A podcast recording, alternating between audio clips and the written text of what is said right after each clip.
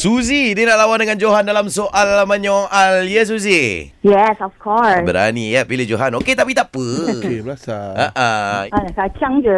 Fuh. Fuh. Kacang lupakan kulit tahu tak? Ah, tu je nak bagi tahu. Kacang tak kacang awak tetap diberikan advantage sekiranya awak melepasi 10 soalan awak dikira pemenang. Okey. Alright, confirm saya menang lah ni. Oh wow, referee utama uh, tolong bagi satu situasi. Kacang. Macam-macam kacang. Okey, situasinya adalah Ha ah. uh, dua orang sahabat yang sedang memilih makanan. Okey. Okey? Lepas bunyi whistle, Ha, uh, Suzy akan mulakan dulu, okey? Alright. Tiga, Alright. dua, satu, spontan era. Nak makan apa ni? Apa dia? Siapa yang nak beli makan? Kenapa kau suruh aku? Boleh makan kacang tak?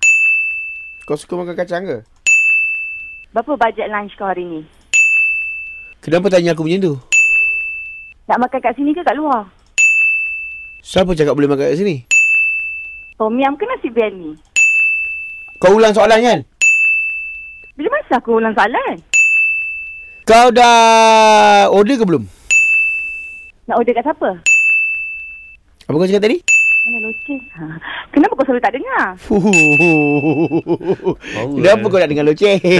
Okey, dah 10 soalan, 10 soalan. Yeah, dah cakap dah. Kau Oh. Oi. pun menang. Alah. Power lah Suzy ni. Kalau dibiarkan lagi tu awak pun gagap-gagap kat tu. Eh, tak ada.